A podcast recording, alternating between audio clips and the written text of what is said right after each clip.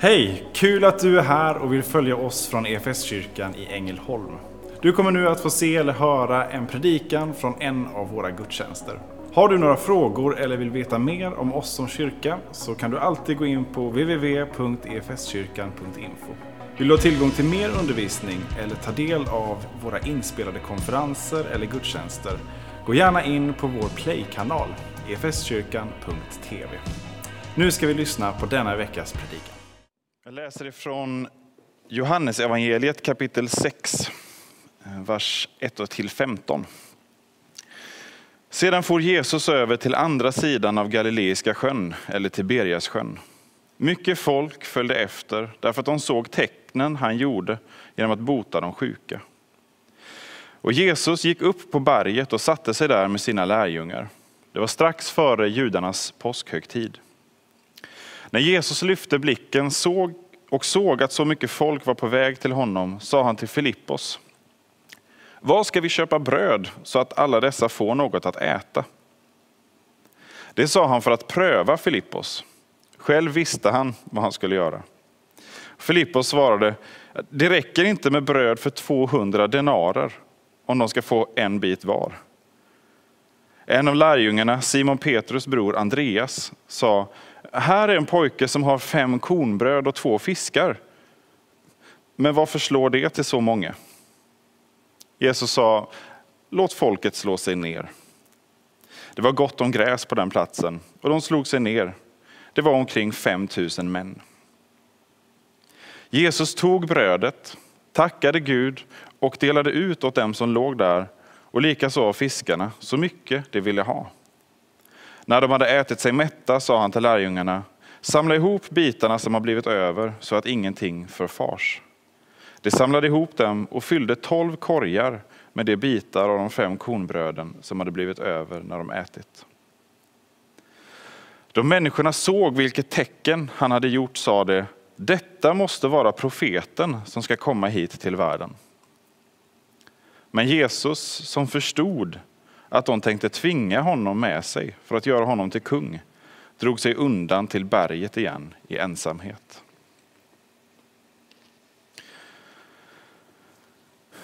Fader i himlen, tack för att du har givit oss ditt ord och för att det levande ordet har blivit kött, blivit människa i Jesus Kristus.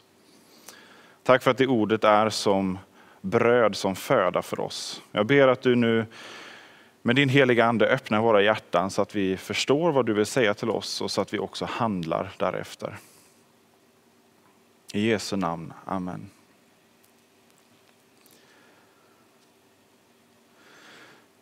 Det här är ett oerhört konkret mirakel som, som Jesus gör. Eh, ett fantastiskt underverk att få de här bröden att räcka till så många. Och samtidigt så tror jag också att det är någonting mer.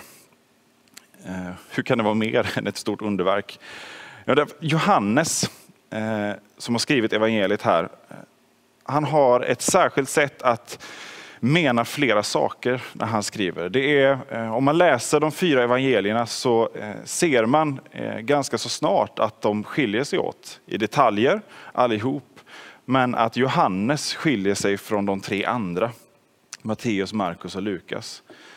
Eh, och har ett väldigt speciellt sätt eh, att skriva. Och när Johannes skriver om någonting som händer, någonting konkret, någonting bokstavligt, så finns det också en annan tanke eh, när Johannes skriver det här. Han skriver det också sent på 90-talet efter Kristus någon gång.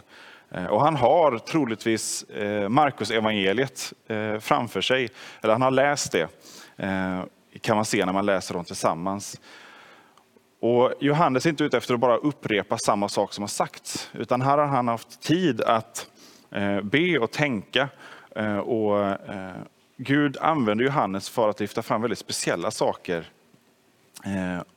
i berättelsen om Jesus i det här evangeliet. Och när de här konkreta sakerna händer så är det också någonting mer som Johannes vill visa på. Sättet han skriver om det, hur han placerar de här händelserna i förhållande till varandra. Till exempel det här med att vi har då ett matunder.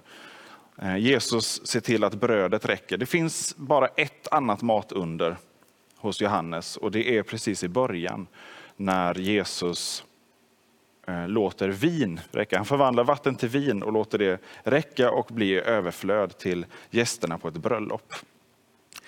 Eh, vin och bröd, de två delarna i nattvarden, är det som händer precis innan Eh, Jesus korsfästs och uppstår.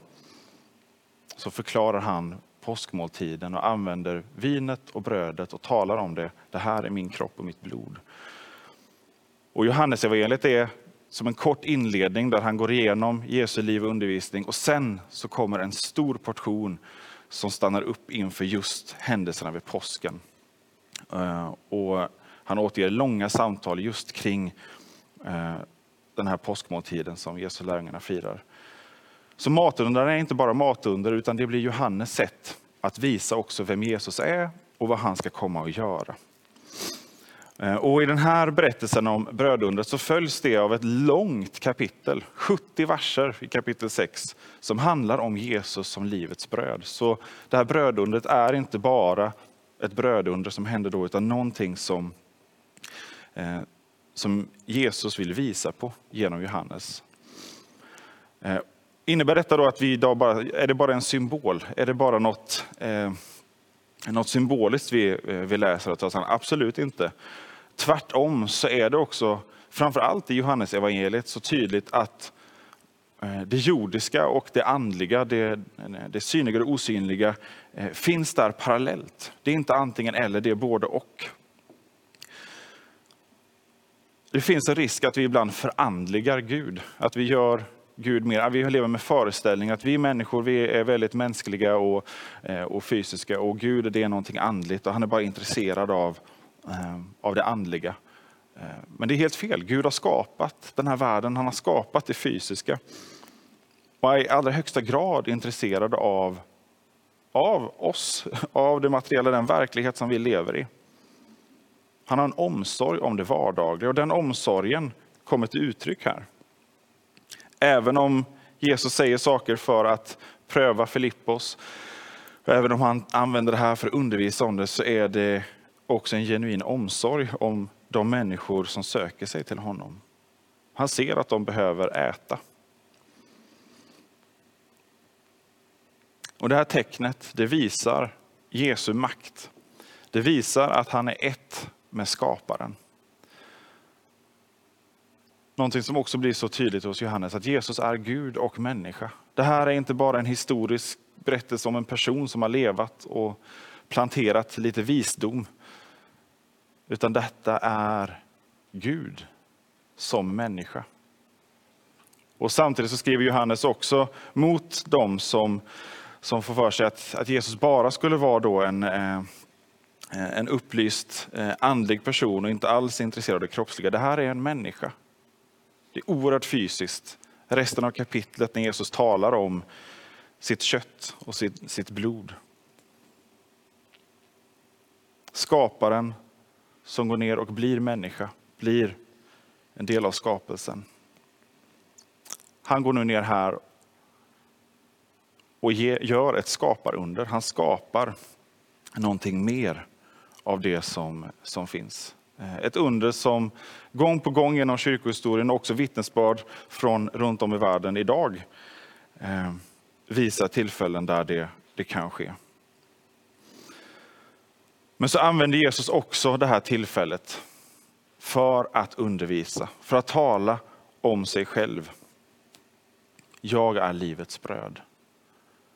Att den som hungrar och bär på hunger, och då inte främst den fysiska hungern, utan kanske den själsliga, existentiella hungern. Den här känslan av att jag, jag blir inte mätt i den här världen, i den här tillvaron. Den hungern, den oron, den kan bara Jesus mätta. Så att vi har här också lärdomar i, eh, i den här berättelsen som, eh, som sträcker sig längre än bara Eh, det undret där. De står inför en situation som, som är övermäktig. 5 000 män det innebär utöver det också eh, kvinnor och barn. Det är antikens sätt att räkna och, eh, och benämna folkskaror. Och där så rör vi alltså 10 000 personer. Troligtvis minst 10 000.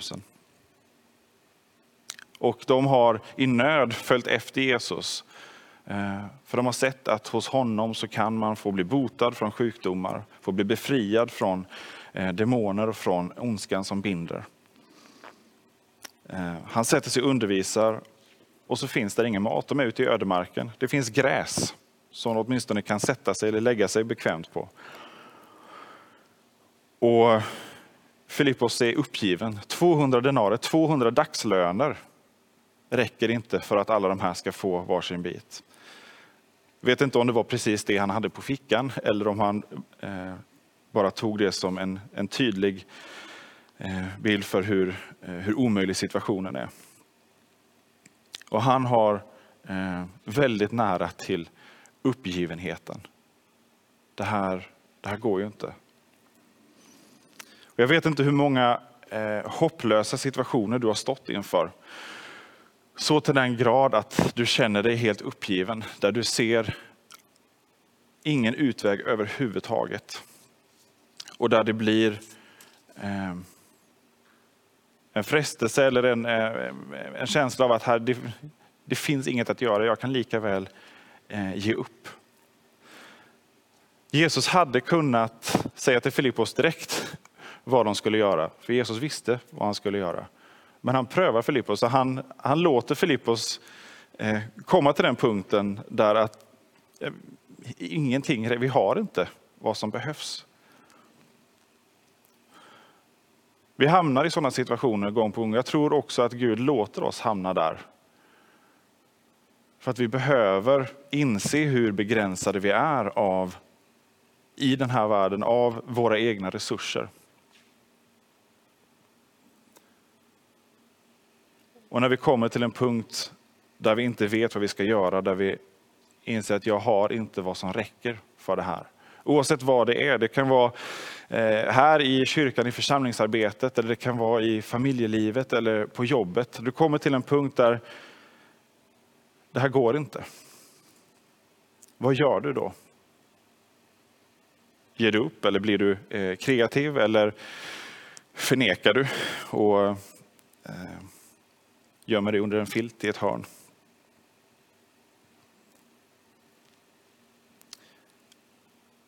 Eller lyssnar du på och ser på den möjliga lösningen som, som efter en stund uppenbarar sig?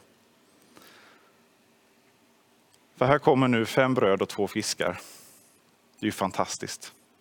Till över 10 000 personer. Det är lätt att förakta det. Det är lätt att, att skratta bort och när man har hamnat i uppgivenheten eh, blunda för det här, inte ens se det som, eh, som händer. Just för att det blir så, eh, det ser så fånigt lite ut inför den situation som, eh, som man står inför.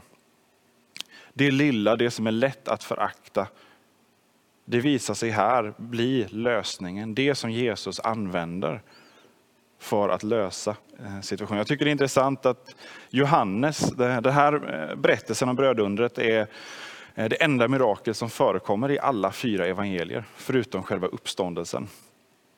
Eh, men Johannes han är den enda som nämner att det är en pojke som kommer med bröden. Johannes som själv var den yngste lärjungen. Han skriver att det är en pojke som kommer, ett ord som beskriver en pojke med någonstans mellan fem och åtta år. Eh, så det är en liten pojk som kommer med en liten gåva i ett samhälle som kanske inte riktigt alltid räknade med att barn hade så mycket att bidra med. Och frågan är om vi räknar med det eh, i vårt samhälle heller.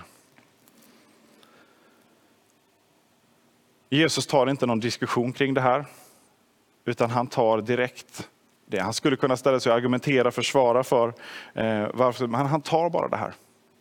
Han tar bröden, han lyfter blicken mot himlen och han tackar Gud. Han vänder sig direkt till Gud och tackar för det lilla som har burits fram.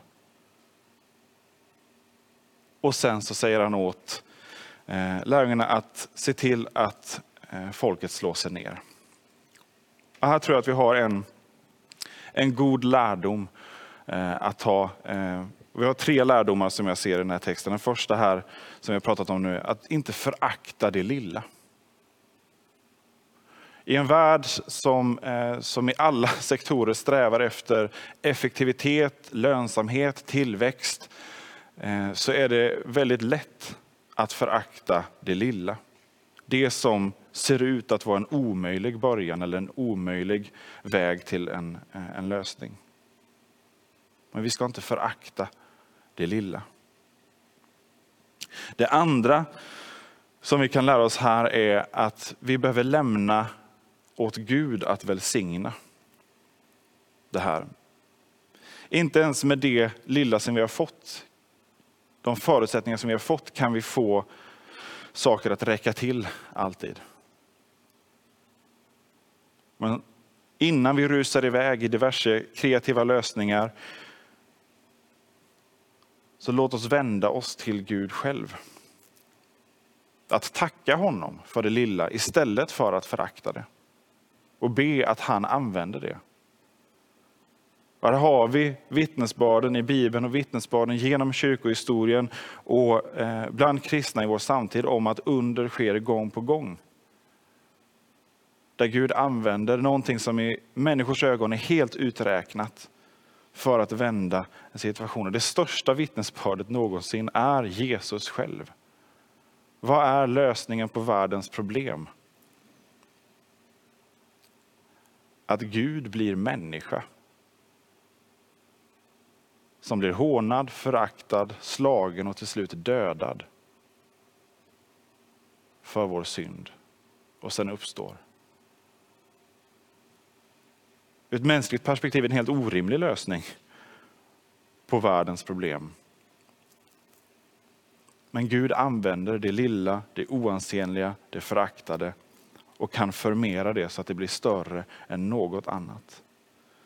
Och när Gud får använda det här, när han får sin vilja, när vi låter honom också få sin vilja igenom hos oss, då kan också det minsta, det mest omöjliga förmeras och bli ett överflöd, någonting mycket större. Någonting som mättar och räcker mer än väl. Så förakta inte det lilla som du har fått och lämna åt Gud att välsigna det. Så att han får använda det som du och jag har fått.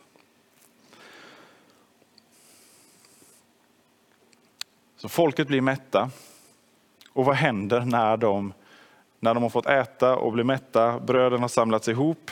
Tolv korgar. Jag har sett framför mig sådana här gigantiska stora korgar som lärjungarna går och samlar ihop i. Men jag fick lära mig i någon kommentar att troligtvis var det en liten korg i ett bälte. Så att eh, tolv lärjungar fick lite matsäck med sig från det här kanske. Men vad händer med folket? Jo, de blir ju förundrade såklart över det som har hänt. Och de börjar röra sig mot Jesus, de vill ta honom med sig för att tvinga honom till att bli kung, står det. Det är vad Jesus eh, vet i sitt inre, så därför drar han sig undan. Det finns en risk, tror jag, att vi vill bestämma över Gud. När vi har fått, när vi har fått se att tron fungerar, att tron håller, eh, ja, då vill vi såklart ha mer av det. Vi vill att eh, eh, vi vill ju se mer av Gud och vi vill att, att fler ska få, få del av det här. Men kanske blir vi lite väl snabba ibland och tänker att men nu vet vi hur det fungerar. Nu, har jag, nu ser jag mönstret här. Jag har, sett, eh, jag har knäckt koden. Eh, om vi ber på det här sättet eller om vi använder de här eh, strategierna så kommer så, så gör nog Gud på det här sättet eller det här sättet. Det ligger väldigt nära till hands för oss människor att vilja kontrollera, att vilja styra och att vi försöker göra det också med Gud. Och här ligger den tredje lärdomen och som jag tror är den viktigaste av, eh, av de här. Att vi följer Jesus, inte tvärtom.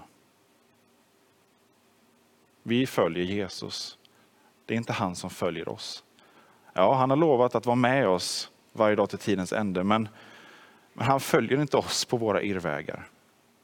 Han har kallat oss att följa honom. Sen vakar han över oss, han är omsorgsfull, han kan gå och plocka upp oss. Men, men kallelsen är att följa honom. Att vår vilja får fogas in i hans vilja. Att vi får öva oss i att lita på att han vet så mycket bättre eh, än vi. I hur vi kan använda våra resurser, våra gåvor, eh, hur vi möter våra eh, förutsättningar, våra utmaningar. Men det finns alltid en frestelse att vi dikterar, vill diktera vad som ska hända nu, vad Gud ska göra nu. Jesus själv utsätts för den frestelsen. När han eh, drivs av anden ut i öknen efter sitt dop så fastar han i 40 dagar och 40 nätter. Eh, och när han har gjort det så står det att han blev hungrig. Märkligt. Och så kommer djävulen och frestar honom. Och frestar honom just att ta kontrollen. Ja, men om du vill, du skulle kunna förvandla de här eh, stenarna till bröd och äta. Men Jesus svarar att människan lever inte bara av bröd utan av varje ord som utgår från Guds mun. Guds ord, Guds vilja överstiger också våra, eh, våra fysiska behov här. Guds vilja är för mitt liv är viktigare än någonting annat. Men står inte i direkt motsats till de behov och den vardag som, som vi lever här. Men det behöver vara en, en prioritetsordning. Vi följer Jesus, inte tvärtom.